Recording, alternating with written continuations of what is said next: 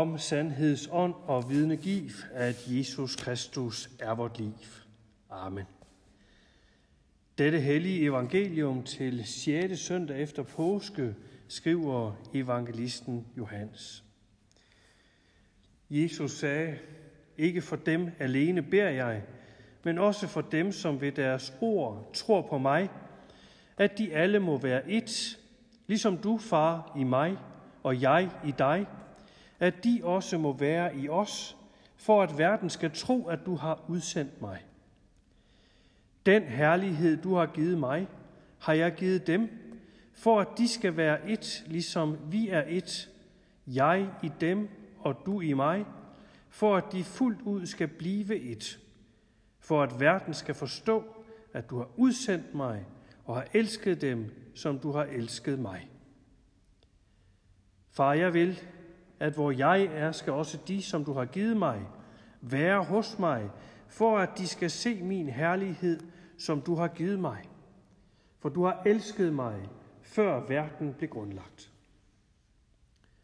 Retfærdige far, verden har ikke kendt dig, men jeg har kendt dig, og de har erkendt, at du har udsendt mig.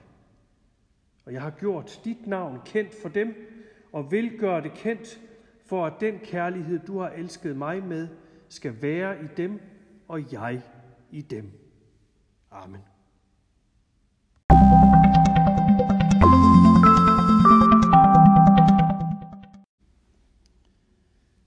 Ti uger, lige omkring 75 dage.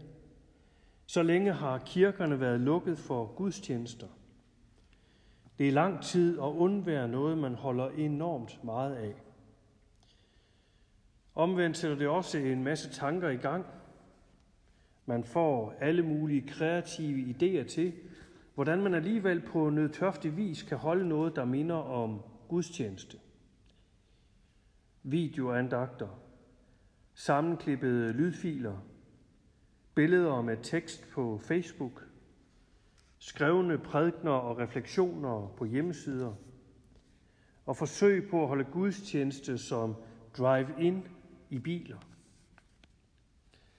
Og se, det er alt sammen meget godt, når situationen er, som den er.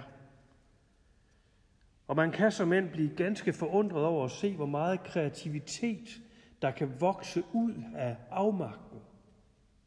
Og viser lidt om, at der midt i krisens og nødsituationens dybe ubehageligheder alligevel åbnes op for stærkt kreative og skabende kræfter. Så det er ikke det. Det er bare som om, at al den ståen på hovedet blandt præster i vort land, og også her hos os, godt nok er en ringe erstatning for det at være til en normal gudstjeneste i et kirkerum. Og man kan fundere lidt videre i det her spor og spørge, hvad er det særlige egentlig ved at være her? Altså ved det gudstjenestlige fællesskab i samme rum. Udover naturligvis det fysiske fællesskab, og selve det at være sammen med hinanden på samme sted. Ja, for mig er det særlige ved det at fejre gudstjeneste med hinanden, noget af det, som for andre måske kan virke fremmed og eksotisk og uforståeligt. For eksempel denne rejsen sig op og sætten sig ned på alle mærkelige tidspunkter. Eller det, at præsten skiftevis vender sig med ansigtet mod menigheden, og skiftevis vender sig væk fra menigheden. På nogen virker det fremmedgørende og distancerende med den koreografi. Men, kom, men går man ind i det, og kommer man til at forstå koden for det, så er det med til at åbne op for selve pulsslaget og nerven i gudstjenesten. Lad mig forklare det lidt nærmere.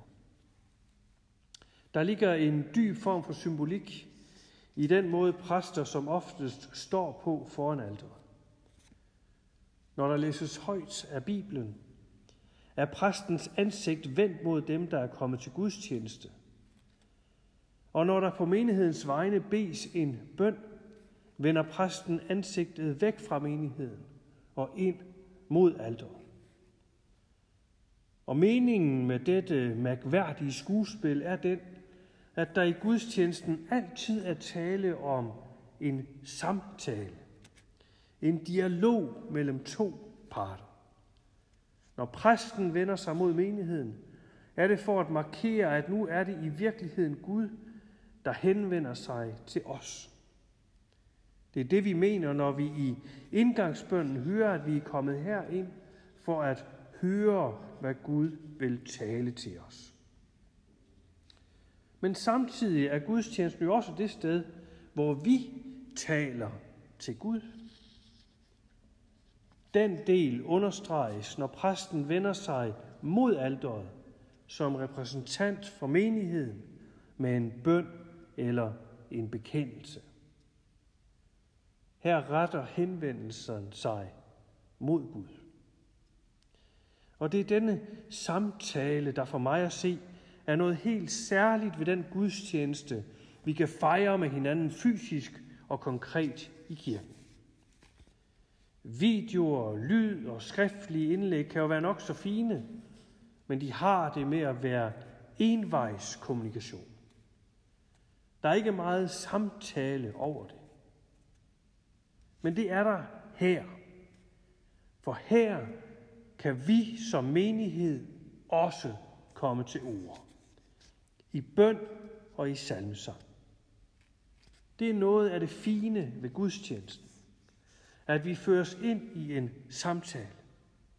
Om vi så på alle andre områder i vores liv måske oplever, at samtalen dør ud, fordi vi glider fra hinanden, eller misforstår hinanden, eller mister hinanden, eller på anden måde bliver ensomme, ja, så insisteres der her i kirken på en samtale, der kan foregå, om så alle andre har vendt mig ryggen og ikke forstår mig.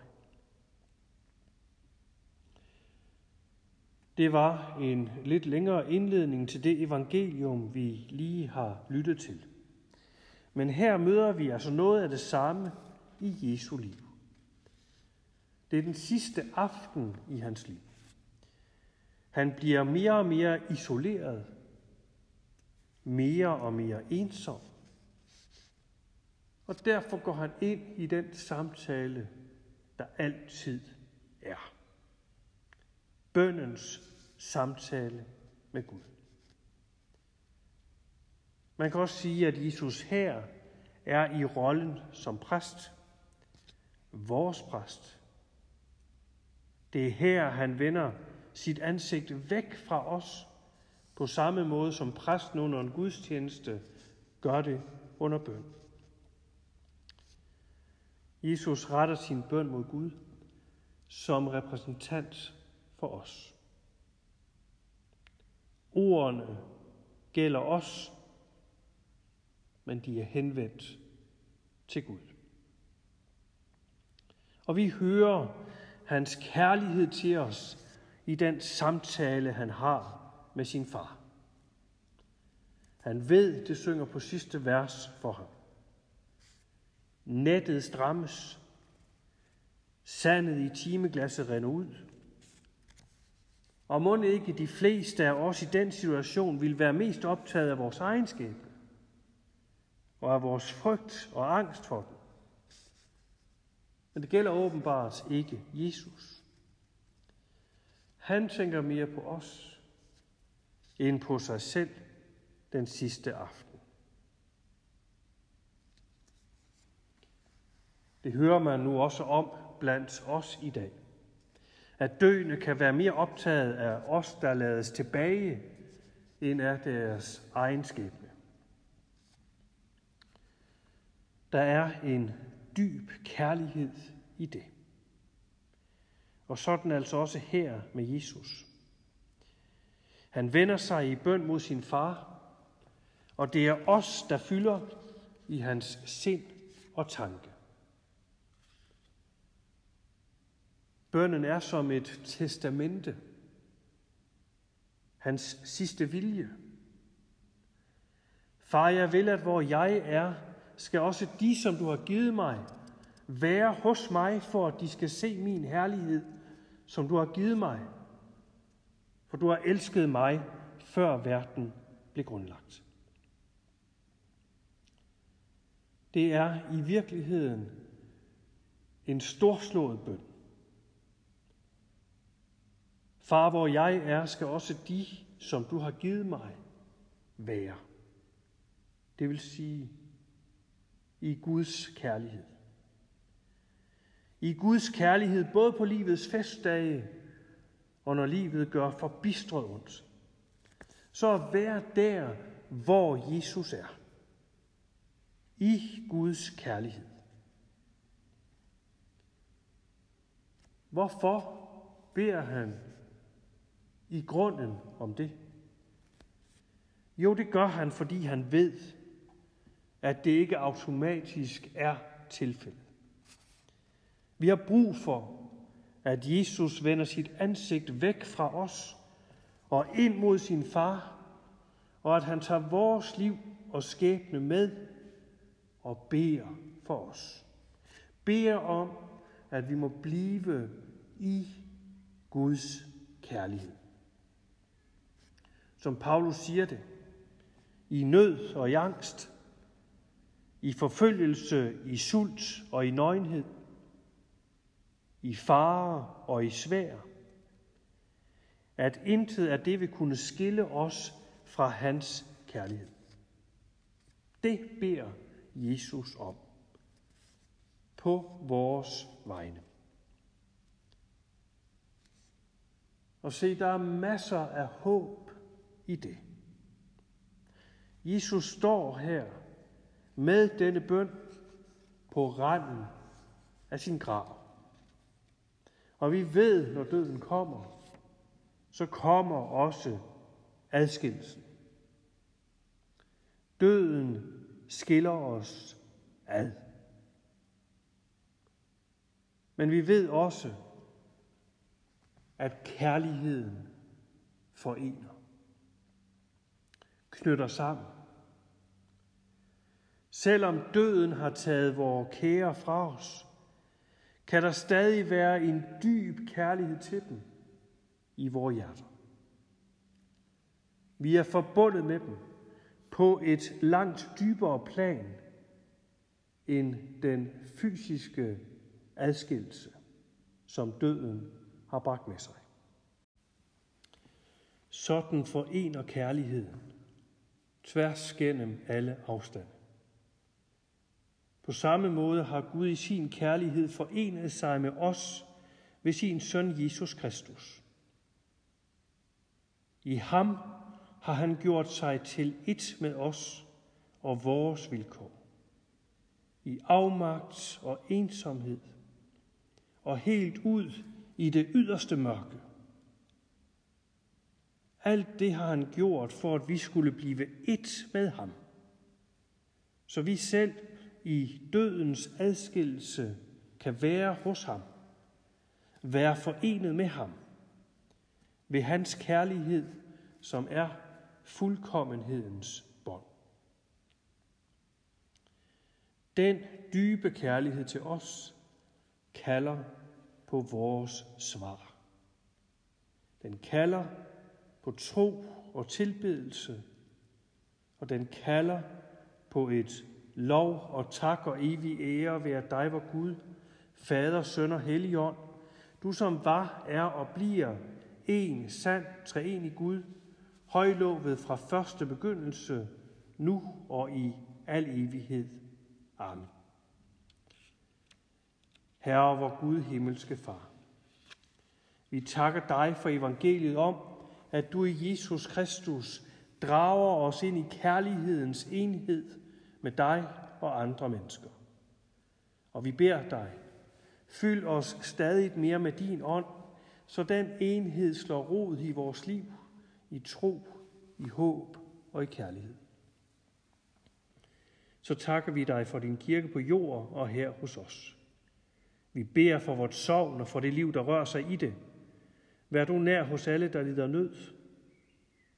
De syge og ensomme. De, der skal dø, og de, der mangler håb og mod, til at gå morgendagen i møde. Vi beder for vort land og for alle dem, der er blevet betroet et ansvar for det. Vi beder for regering og folketing. Vi beder for dronningen og hendes familie og for alle andre familier. Ja, forbarm du dig over os alle, nu og i al evighed, takke være din søn, Jesus Kristus, vor Herre. Amen.